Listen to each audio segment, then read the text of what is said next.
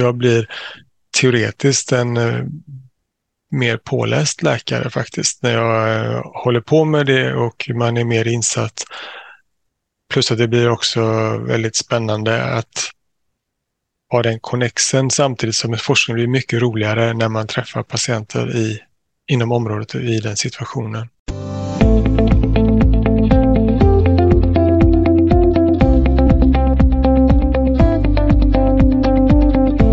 Du lyssnar nu på Lundcancerpodden.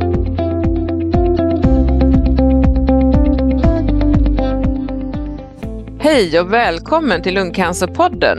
Idag ska vi fortsätta prata om olika behandlingar och forskning inom lungcancerområdet. Idag har jag med en onkolog från väst som specialist, Andreas Hallqvist. Välkommen hit! Stort tack! Du arbetar ju vid Sahlgrenska universitetssjukhuset i Göteborg där du både forskar och arbetar kliniskt. Och du ska hjälpa oss att förstå lite mer om olika kombinationsbehandlingar ihop med immunterapi speciellt. Men Anders, du har ju jobbat länge nu inom lungcancerområdet. Hur länge? Ja, jag började här på JK som vi kallade det 2003 första JK, gången. Att, det är eh, jubileumskliniken va? Det är jubileumskliniken ja. i Göteborg, ja precis. Så det är, det är faktiskt 20 år i år när jag tänker efter, det har jag inte tänkt på förut. Men, ja. Och du är sektionschef för en onkologiavdelning på Sahlgrenska och du forskar. Hur fördelar du din tid? Alltså det finns ingen strikt uppdelning. Det finns vissa kanske har det i sin eh, tjänst eller att man har en regelbunden återkommande tid för sånt. Men för mig är det mer att det är ett intresse och det genomsyrar lite av det vi gör. Sen, I synnerhet när man har kliniska studier som ska rulla på sådär. Så att eh, jag har vissa forskningsdagar men eh, det är liksom integrerat och intressestyrt också. Allt är på samma ställe? Mm. Ja, det får man säga att det är. Ja. Men du är också med i den nationella kvalitetsregistergruppen för lungcancer och det var ju också Anders Wikström som jag intervjuade förra gången. Och ni ansvar då för vilka patientdata som samlas in och hur de sammanställs och presenteras. Vad gör ni med all data? Vad är den till för? Alltså den grupperingen det är ju själva lungcancerregistret då ju, som du säger och vi tittar på utfallet eh, nationellt, även på regionala skillnader. En ny grej vi kommer med i år är att vi ger ut regionala kortrapporter som är riktade mot regionerna så man kan se just sin egen region och sitt eget sjukhus i relation till regionen och riket. Så att det är både nationella sammanställningar och sen även en del forskning som bedrivs på registret. Där vi diskuterar ja. detta i registergruppen. Ni eh, liksom samordnar vad jag förstår alla forskningsprojekt inom lungcancer, Precis. stämmer det? Ja. Alla, man kan säga alla registerbaserade forskningsprojekt samordnas inom registergruppen. Sen finns det en annan grupp som är då Svenska planeringsgruppen för lungcancer. Det är ganska mycket samma folk, men den är mer kliniska studier och prospektiva studier. Eh, och där bedrivs även vårdprogramarbetet där. Så det är en annan konstellation just planeringsgruppen och så har vi riskgruppen för sig men det är ganska mycket överlapp med ja. eh, Men du har ganska stor koll på vad som händer i landet med andra ord? Ja, det har jag ganska bra koll på. Och eh, kan ni i gruppen kan ni påverka vad som forskas då också inom lungcancerområdet? Ja, det kan vi göra, absolut. Eh, vad är den akademiska forskningen som eh, är initierad från oss själva eller eh, förgreningar till oss. Där styr vi själva vad det är vi vill titta på och bedriva. Sen får det vara rimligt och det får vara genomförbart och intressant och viktigt naturligtvis. Men där bestämmer vi ju det själva. Sen ja. när man påverkar, absolut, man har de stora läkemedelsföretagen, de bedriver ju sin forskning och det, där är vi med och bidrar när vi tycker att det är viktigt. Men det är också viktigt att vi har våra egna delar. Så. Mm. Och eh, inom registerforskningen så är det ju registerstyrgrupp som eh, bifaller eller rekommenderar olika typer av genomgångar. Okej. Okay. Mm. Ja, nej men eh, varför valde du just lungcancer som specialitet? Ehm, jag ska villigt erkänna att det kunde säkert varit andra saker också. Jag valde ju onkologi för jag tyckte att det var ett väldigt spännande och viktigt ämne och sen inom onkologin finns det mycket som är intressant. Men jag kom in lite på forskningsspåret och sen ehm, av någon anledning, det passar eh, mitt psyke det här med att det är allvarligt, utmanande men ändå hoppfullt. Mm, det har ju så, blivit så. så eh, under, under tiden har ju lungcancer mm. fått väldigt, ja, mycket bättre odds. Precis. Men eh, när du började då så eh, forskade du om, eh, eller din avhandling ska jag säga, som du disputerade 2012, handlade om fulldos radiokemoterapi av icke småcellig lungcancer. Kan du förklara lite vad det handlade om? Eh, absolut, det var där jag gled in på strålet lungcancer och just då, då var det ju lite att den här gruppen stadium 3 som det kallas, när man har en sjukdom som inte är spridd ut i kroppen men man har för mycket växt i bröstkorgen för att kunna opereras. Det är en grupp där man kan satsa på bot. Det är utmanande men det går och det tycker jag var spännande och angeläget. Och där kan man då behandla med något som kallas fulldosradiokemoterapi. Och det man gör är att man kombinerar ihop strålterapi upp till eh, i princip så höga doser man kan ge mot de här också känsliga organen som finns i bröstkorgen med matstrupe och lungor samtidigt som är cytostatika upprepat för att boosta effekten. Men hur, eh, det, hur visste du det då? Var det redan igång med kombinationsbehandlingar? Ja, det var igång med kombinationsbehandling men ganska nytt att det var visat att det var bättre. Eh, men så visste man ju inte på vilket sätt man skulle kombinera ihop det. Man kan ju dels ge strålterapi på olika sätt och man kan ge cytostatikan varje dag eller varje vecka eller var tredje vecka. Så det fanns ju många oklarheter fortfarande hur man bäst skulle göra. Eh, men konceptet hade ju börjat komma, absolut. Men eh, full dos, är det liksom så mycket tå kroppen tål? Eller? Ja, nästan faktiskt eh, nu för ja. tiden. Sen beror det på vad man strålar för organ. Det beror ju väldigt mycket på vilka normalvävnads organ, brukar vi kalla det, som man har i närheten eller inom området som ska strålas hur mycket man tål. Mm. Till exempel har man, har man en liten, liten tumör i lungan och inget annat så kan man ju ge väldigt höga doser för Just det tål ett sådant litet område. Men har man eh, tumör som växer in vid hjärta eller matstrupe så får man anpassa sig till det. Men man kan säga det vi kallar fulldos är att uh, ungefär att gå upp till så mycket som uh, majoriteten klarar av. Vad var det för mutation som du tittar på? Um, i min avhandling, då tittade jag faktiskt eh, lite grann på Koras och det är lite lustigt med tanke på att det just nu har blivit ganska hett. Det var Precis. det inte på det sättet då. Nej. Men då tittade vi lite på betydelsen av att vara KRAS-muterad om man hade stadium 3. Och då visade det att eh, det var dessvärre en sämre prognos att vara KRAS-muterad även i den situationen. Och det, det är ju mer, mer diskussion kring det nu och när de nya behandlingarna kommer. Och men det var för ganska länge sedan som vi tittade mm. lite på det också. Kommer du fram till någonting som har lett vidare eller var det vid? Hela avhandlingen menar du eller? Ja, precis. Ja. Alltså man ska inte förhäva sig, det är inget som är banbrytande, men det som var det vi visade där det var ju lite där vi hade olika nationella studier med olika sätt att ge cytostatika tillsammans med strålterapi. Och vi kunde väl se att det var ingen större skillnad om man gav det veckovis eller dagligen eller i stora kurer var tredje vecka, utan det viktiga är kanske att man gör både och.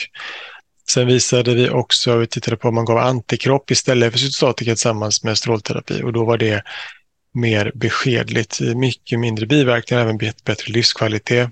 Vad är då eh, att få antikroppar? Um, på den tiden så fanns det en antikropp uh, riktad mot det är faktiskt EGFR som är då viktig i lungcancersammanhang på andra sätt när den är muterad, men det fanns även antikropp mot själva receptorn som inte används inom lungcancer idag, men som hade visat effekt inom annan tumör och eh, strålterapi. Så vi var intresserade om det skulle kunna påverka även vid lungcancer.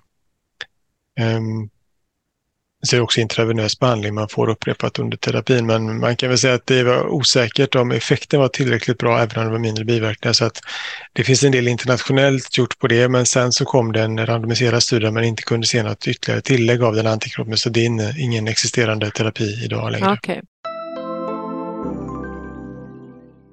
Vad är det som driver dig? Du sa att du var väldigt intresserad av det här eh, sättet att jobba. Jag förstår att det kul att se när det kommer nya eh, rön man kan testa och att det ger resultat. Är det... Ja, men det blir mer spännande att vara insatt. Sen, sen tycker jag man måste inte bedriva forskning för att arbeta med det här, absolut inte. Men för mig så känner jag att jag blir teoretiskt en eh, mer påläst läkare faktiskt när jag eh, håller på med det och man är mer insatt. Plus att det blir också väldigt spännande att ha den connexen samtidigt som forskning blir mycket roligare när man träffar patienter i, inom området i den situationen. Ja, så det inte bara blir liksom akademiskt eller? Exakt, så ja. jag tycker att... Eh, kombon är den bästa? Kombon är den bästa, för mig i alla fall. Jag tycker ja. det är kul och berikande Vilka... båda håll. Vilka projekt håller du på med just nu? Kan du nämna lite kort vad du eh, forskar ja, i? Det som vi driver nu, så dels håller vi på med en studie där man eh, lägger till eh, immunterapi till stereotaktisk strålterapi vid tidig lungcancer. Det vill säga man har en mindre tumör och ingen annan spridning och får precisionsbestrålning. Då undersöker vi i en studie om man kan öka effekten genom att också ge immunterapi. Eh, det är ju inte känt om man vinner på det i så tidig eh, situation utan det används ju mer vid spridd sjukdom och även stadium 3 men det försöker vi utröna om det även är nyttigt att ha det då. Sen så arbetar vi på en ny I vilket stadium sa du? Var det ett? Eh, tidigt stadium 1 ja. mm. och även eh, tidigt 2 eller 2A okay. som heter. Men utan körtelspridning, man får bara ha själva sin primärtumör. Sen okay. så jobbar vi också med en eh, nationell studie där vi också försöker öka på effekten av immunterapi med strålterapi men vid spridd sjukdom, alltså man har några metastaser, det som kallas oligometastatisk sjukdom, att även ge strålterapi i tillägg till immunterapi och cytostatika med förhoppning om att ytterligare få bättre effekt. Så där här, jobbar vi på. Nu, nu avbryter jag dig. Oligometastas, ja, det, det är alltså att det är begränsat eller? Vad betyder Precis. det? det betyder, Ordet betyder väl egentligen några eller få och i praktiken att man eh, har en viss spridning men inte så många metastaser helt enkelt. Okay. Sen finns det lite olika diskussioner eh, hur många man menar men fem stycken någonstans där ungefär. Okay. Um, uh, och då tänker man sig att då kan det vara nyttigt att kanske behandla alla de som man ser. Så vi jobbar på den och hoppas komma igång med start här efter sommaren. Ja, ni håller ju på mycket i Göteborg med just strålbehandling som tillägg, eller hur? Och ni har fått ett stort eh, anslag just av Cancerfonden 2021. Ja, vad, är det, eh, vad är det som strålbehandlingen gör just som tillägg då till cytostatika eller immunterapi? Um, Ja, eller om det är tvärtom, att cytostatika immunterapi är tillägg till strålterapi. Det beror på hur man vänder och vrider på det. Men vi har varit väldigt intresserade av eh, kombinationen om man kan eh, få mer ut av de här olika behandlingsprinciperna genom att ge dem tillsammans. Och vi vet ju det att cytostatika gör känslorna mer känsliga för strålterapi när man ger det samtidigt. Det är den mekanismen. Men sen vad är det immunterapi verkar det vara så att strålterapin hjälper immunterapin att bli mer effektiv. Ehm, man kanske har en tumör och så strålar man på den och då går en del celler sönder och dör och det exponeras tumörmaterial och då kan immunsystemet sen reagera på det och känna igen det. Så att vi tror att det är en extra effekt att vi ger det samtidigt och det är sånt vi håller på att titta på i de här studierna. Då. Ja. Men det är inte bara Göteborg, det är nationella satsningar. Sen har vi varit strålin, strålterapiintresserade härifrån ja. och är med, är med och driver det. Jag har sett det. Men eh, det här med strålning, är det inte också mycket strålskador som man då kan råka ut för? Absolut, eh, det är en jätteviktig faktor och när man ska stråla en patient då gör man ju något som kallas dosplaner, alltså man tittar på hur fördelar sig strålningen i kroppen, vilka organ drabbas, vilken dos blir det och sen så har man olika nivåer man inte får gå över. Så man vet till exempel för ett visst organ, kanske ett mer känsligt organ som matstrupen, hur mycket man tål där och ett annat organ som lungan kanske tål en annan nivå och så får man försöka lägga sig under dem. Men sen är det så att i vissa fall så kanske man accepterar en viss grad av biverkning för att försöka bota sjukdomen. Och det som är svårt är att det finns också ett lite slumpinslag. Det är inte så tabellaktigt vid alla individer och man är olika känslig så att det går inte helt att slå upp och se exakt vilken dos man kan tåla eller inte utan det finns ett visst slumpinslag som gör att en del får biverkningar. Absolut. Och de kan ju komma långt senare också. De kan kolla långt senare. Man brukar skilja på akuta biverkningar som man får eh, strax efter behandling som sen läker men sen kan man få efter eh, år att det kommer senbiverkningar. Och det är inget man kan liksom förutse utan det kommer på vissa... Jo, man, man känner till en del om det och vi försöker okay. begränsa doserna så att man inte ska få dem där men ibland kan det komma ändå fast man har hållit sig till eh, de dosnivåer som anses acceptabla. Ja, det är lite vågskål. Ja. Alltså vinst, vinsten, måste, vinsten måste överväga, absolut. Ja, men eh, det kan ju ligga lite i den andra vågskålen ibland som man accepterar eller blir tvungen att acceptera. Mm. Ja, nu ska vi gå in på några andra projekt här. Ska vi se om det stämmer att du leder ett projekt eh, med prognostiska faktorer för behandlingsrespons och toxicitet. Alltså det vi tittar också på mm, det är många andra som gör detta också, det är inget unikt men eh, det är bra att vara med på banan tycker jag. Och Det handlar om att, lite grann det var in på nyss, strålbiverkningar är en del men att utifrån både effekt och eh, biverkningar av behandling bättre kunna vid, individanpassa det och kunna förutse vem som kommer att ha bra effekt och vem som kommer att ha sämre effekt och vem som riskerar biverkningar. Och vet man det redan innan eller vet mer om det redan innan så skulle man kunna anpassa någon patient kanske behöver lite mindre intensivterapi, någon kanske behöver mer intensivterapi eh, och man kan anpassa efter potentiella biverkningar som skulle just den individen skulle kunna ha högre risk för. Så att det handlar lite om eh, det här uttrycket personalized medicine som är ganska inne, att man individanpassar och jobbar utifrån en individ och försöker hitta kunskap som man kan använda innan. För nu är det mer så att man behandlar ett standardkoncept och sen så får man ta de biverkningar som blir. Mm. Eh, man vet ganska lite om hur man ska individualisera för att öka effekt eller minska risk. Och toxicitet, det betyder att det är giftigt eller? Ja, precis. Eh, toxiciteten är biverkningen eller okay. så. Ja. Sen studerar ni också ett eh, annat projekt med eh, eh, långtidseffekter hos överlevare där ni kartlägger demografin för speciella grupper av cancer. Det låter ju spännande. Kan du berätta lite om det? Ja, det är ett projekt hos eh, en av mina, en doktorand som arbetar med det man kan se på något sätt det är en fortsättning på intresset vi hade för det här med radiokemoterapi kombinerat för stadium 3, de här som man kan försöka bota men som inte kan opereras. Um, och där har vi varit intresserade, hur är det egentligen när man har klarat av det där och blir botad? För har man nått dit här att man är full då i fem år ofta och så är det uppföljningen är slut, är färdigt. Men hur mår man sen? Hur mår överlevarna? Hur mår man när man har klarat sig igenom alltihopa? Det är väldigt lite känt för man har, man har på något sätt förut varit glad att folk har överlevt och så har man släppt det där.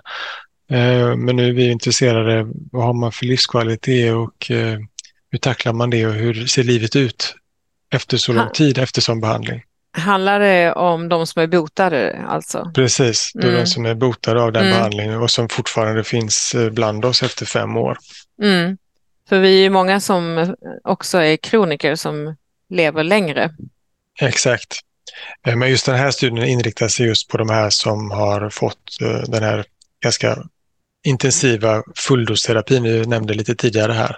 Ja. Med hö höga stråldoser och cytostatika och hur tacklar man det efter några år när man har blivit av med sin sjukdom men ändå kan ha biverkningar kvar eller okay. psyko psykologiska aspekter och så. Ja, så då får man en uppföljning av Precis. dem. Mm. Eh, kan man se att det blir allt fler med lungcancer som överlever? Ja, det, det är en prognos. Mm. Ah. Vi kan faktiskt se om man tittar på till exempel de som vi försöker hjälpa till bot så eh, är det högre andel som blir botade nu än eh, tidigare om man tittar på olika tidsintervaller. Och sen, eh, ja du nämnde de kronikerna, om man har med en kronisk situation i sin cancer så även där har ju överlevnaden ökat. När man ja. tittar på senare år mot tidigare år. Så, så att båda situationerna har blivit bättre. Ja, nej, det är ju verkligen hoppfullt idag mm. ju, att det blir mm. så. Eh, men du verkar ju forska jättemycket. Vad är själva din roll i projekten då? Är du mer och drar ihop ett gäng eller hur ser det ut? det är inte riktigt så att vi har mängder av folk på det sättet, men det är klart att det är samarbeten. Vi samarbetar nationellt så att man är flera sjukhus om man ska vara med i en studie så att det blir tillräckligt många så det går att utvärdera. Det är viktigt, annars har man inte gjort det tillräckligt bra. Eh, och sen samarbetar vi även lokalt och regionalt om man har till exempel de här biomarkörstudierna man letar efter faktorer som kan hjälpa oss att förstå varför man har effekt eller inte. Och sen så har vi lite doktorander inkopplade på olika delar av projekten som jobbar med sina avhandlingar. Och, så att det puttrar liksom på framåt på flera fronter. Och min egen roll som du frågar är att jag är mitt huvudfokus är ju att försöka att vi driver studier prospektivt eh, nationellt, alltså framåt, framåtsyftande nationellt så att vi är med om det och gör det och bidrar där. Och det är väl mitt eget huvudfokus. Ja, vi ska gå över lite på olika behandlingar. Kan du dra lite kort bara hur man bestämmer behandling i de olika stadierna av lungcancer när man kommer ny? Ja, um, när man då har fått sin utredning och är stadieindelad, man kanske har gjort en PET och man har fått något vävnadsprov så man vet vad det är för typ av cancer och var den växer. Så har vi dels de som kallas tidiga cancer eller stadium 1 eller kanske stadium 2 när man eh, har en tumör i lungan och eventuellt ingen spridning alls eller kanske en enstaka körtel, då blir man ju ofta opererad om man är i skick för det. Ehm, och sen numera så lägger man också till efterbehandling för att minska risken för återfall, det som kallas adjuvant behandling. Det gör man ofta till de som är opererade om de inte är pyttesmå, då behövs inte det. Men är de lite större så lägger man ofta till cytostatika, några kurer. Eller även just för den som kallas EGFR noterad lägger man ju till sån behandling också numera. Men det är den första gruppen som opereras. Sen så som alternativ till operation om man har en liten tumör utan körtelspridning så kan man även ge precisionsbestrålning, det som kallas stereotaktisk eh, strålbehandling också. Ehm, det är effektivt och ganska enkelt att göra utan några större biverkningar så det använder vi också till de som ehm, Framförallt är det till de som inte tål operation för att operation har varit standard i många, många år. Men eh, också till de som inte vill opereras, man kanske tycker det inte känns kul att genomgå ingrepp, då kan man stereotaktiskt strålbehandlas också. Det är eh, bra resultat på det. Sen när man går vidare och man har en sjukdom som har blivit lite mer avancerad, att man kanske har körtlar i bröstkorgen men man har ingen annan spridning eller att eh, primärtumören har blivit ganska stor.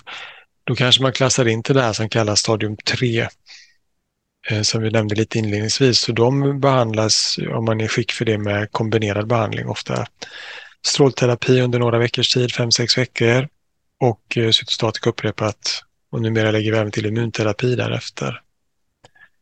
Um, så det är den gruppen och sen slutligen har vi då själva stadium 4-gruppen som har väldigt många olika behandlingar där man är spridd och man opereras inte i allmänhet och eh, man ger inte full behandling mot bröstkorgen kanske men man eh, kan stråla till viss del i vissa fall. Framförallt är det läkemedelsbehandling. Och den är ju styrd beroende på tumörtyp så det finns Just ju det. alla de här olika sorterna med små mm. molekyler, tablettbehandlingar. Om man har någon eh, speciellt drivande mutation som många känner väl till och sen har man den stora gruppen som inte har det som kanske får kemoterapi och immunterapi. Men man kan ändå väldigt... säga att det liksom finns ju hopp i alla steg. Det är ju inte det att det är kört för att man har kommit till stadie fyra. Liksom. nej, nej, nej, det finns hopp i alla steg. Det finns det behandlingsmöjligheter liksom. Det gör det i alla steg. Det var en grov översikt, men det finns i alla steg och det händer också saker i alla steg. Mm. Både de tidiga stadierna som opereras, där det kommit ny adjuvant behandling med immunterapi till exempel, i stadium 3 har utvecklats och stadium 4 händer. Så att utveckling sker också över hela spektrat. Ja, det är det som är så otroligt. Mm. Men vi skulle prata lite mer om immunterapi för vi har inte gått in så mycket på det i podden och det har ju kommit stort inom just lungcancer de mm. senaste mm. fem åren. Eh, när ger man det som första linjens behandling? Som första linjens behandling så ges det ju vid stadium 4 då som vi eh, skissade lite på nyss och det är det framförallt om man inte har några specialmutationer. För har man det så får man ju tablettbehandlingarna som är riktade mot de specialmutationerna. Men har man inte det så får man eh, immunterapi som standard. Antingen bara immunterapi om man har högt så kallat PDL1 som man kan komma tillbaka till. Eh, men har man lite lägre PDL1 eller för all del ibland man högt också så ger man ofta kombination av behandling, antingen dubbel immunterapi plus kemoterapi eller kemoterapi plus immunterapi. Så att eh, det, man kan säga att det, immunterapi ingår i standard första linjen vid stadium 4 om man inte har de här specialmutationerna. Vad innebär det när du säger dubbel immunterapi? Att man får dubbel dos eller?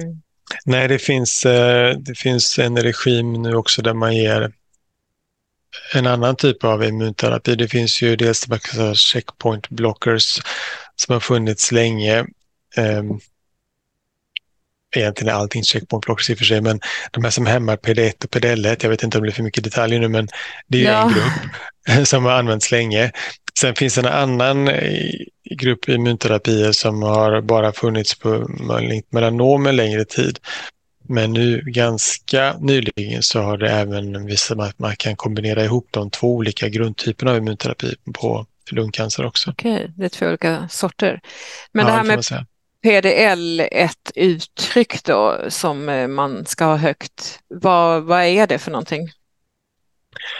Så PDL1 är en eh, ytstruktur på cellerna som eh, är involverade i själva den här processen som man eh, attackerar det, allting går ju ut på att tumören har lyckats slå på kan man säga immunsystemets bromsar. Så immunsystemet har blivit mindre aktivt. Och det som läkemedlet gör är att den går in och blockerar den här påslagna bromsen så att immunförsvaret blir mer aktivt igen. Och den bromsbindningen det är när en ytstruktur som heter PD1 binder in på en motsatt eh, struktur som heter PD1 och när de eh, binder in så blir det broms. Men när läkemedlet går in och blockerar däremellan så blir det eh, mindre broms och ökad aktivitet. Så att man kan alltså mäta PDL, det här uttrycket av det här PDL kan man mäta på celler och titta på hur många är det som har det. Och då kan är man det blodprov eller hur tar man? Nej, man tittar på vävnaden. På Biopsi? Ja, precis. Ja. Och då kan man få en siffra på hur stor andel ungefär som där man ser den här PDL. -et. Och är det då högt så har man sannolikt eh, chans att ha effekt på bara immunterapi till exempel. Men det säger inte allt. Det ger en viss fingervisning, men man kan ha bra effekt av immunterapi även om PDL är noll. Så det där är lite mm. konstigt egentligen. Men ja. Det används då också, men just eh, framförallt vid återbehandling eller relapsbehandling när man har fått en återfall. Men just det där första steget med första linjens behandling, då spelar uttrycket en roll för om man kan få kombination eller bara immunterapi. Men är det vissa typer av lungcancer då som har högt PDL1? Eller? Um, ja, egentligen inte. Man kan se det faktiskt uh, ganska brett olika. Det kan vara 100 procent ibland och det kan vara noll ibland. Och det, jag kan inte säga att det är speciellt knutet till någon viss typ egentligen. Och vem som då får immunterapi, det bestäms av eh, biopsier och ja, ja, ja tester? Ja, precis. Och sen såklart av vissa andra faktorer om man är rädd att patienten har någon svår känslighet. Om man har andra autoimmuna sjukdomar så kan man få tänka ett varv till hur man bäst ska behandla så man inte riskerar för mycket okay. problem. Då är det sämre om man har fler sjukdomar så att säga? Ja, om man har just uh, autoimmuna sjukdomar som kan triggas igång då. Sen okay. kan man få immunterapi ändå. Det beror lite på hur allvarlig situationen är och man kan behandla mot den autoimmuna sjukdomen. Så att det är inte, Det är inget eh, kontraindikation. Det är inte säkert att det inte går. Nej. Hur går då immunterapin till? Jag vet ju ingenting. Hur får man det? Eh, Det, det är dropp. Det är Så man kommer till sjukhuset och får ett dropp på någon timme ungefär. Mm. Och sen är det lite olika hur långa intervallen är, men det kan vara ja, tre veckors är väl vanligt från början, men det finns också fyra veckors intervall och numera även på vissa, någon drog sex veckors intervall. Så att någonstans där. Hur länge Det håller man på? Standard nu för tiden är ofta så länge man har effekt och det går bra och man som patient tål det bra så är standard ofta två år. Men man kan eh, för det mesta jobba och hålla... Ja, om man, om man, gör, det, om man gör det innan så brukar man inte bli påverkad så man inte kan eh, göra det. Nej. Nej. Det, på, det är klart det finns en del biverkningar men Ja, det är väl ganska mycket biverkningar, är det inte det? Det beror på vad man menar. Generellt sett så är det mindre biverkningar på cytostatika. Så Alltså, som grupp så, så är, upplever man det som mindre belastande med immunterapi. Sen finns ju de här specialbiverkningarna att man kan få en aktivering av immunsystemet som kan slå på kroppens egna organ och då kan man få olika reaktioner som kan vara jobbiga. Men det, det är inte så vanligt att de blir jobbiga, men det är klart, eh, om immunsystemet attackerar huden så du får svåra utslag eller attackerar tarmen så får diarré eller någonting sånt så kan det vara kämpigt. Ehm, men det är ganska få som får någon svår reaktion utan för de flesta är det lindrigt. är det för att immunförsvaret slås ut eller på något sätt attackeras? Eh, Tvärtom, att det liksom blir eh, så aktivt så att det Okej. attackerar lite kroppens egna vävnader. Okej. Mm. Om, vi nu är inne på det här med biverkningar, vilken behandling ger minst biverkningar? Är det tablettbehandling? Eh, uff, svår fråga. Jag skulle tro att eh, patienterna kan ha olika uppfattningar om det. Ehm, Det går inte att säga kanske, det är olika på olika patienter. nej, men, nej, men det är liksom det. Det är klart att jag, jag har patient på tablettbehandling som fått massa problem. Eh, och sen vissa som klarar det helt utmärkt. Och det är likadant med immunterapi, en del med svåra biverkningar nu med, i och med att vi har behandlat så många och en del känner ingenting. Ehm, jag skulle säga att både tablettbehandling och immunterapi kan vara väldigt enkelt och problemfritt. Sen får vissa bekymmer, men eh, jag kan inte säga en Mm. enskild drog så. Nej. Nej, det enkla med tablettbehandling är att det är ju bara en tablett. Man kan ta den Ja. hemma, det är inte så krångligt. Absolut, nej, det är ju, praktiskt är det på ett helt annat sätt. Ja. Har man sett att patienter som fått immunterapi blivit botade?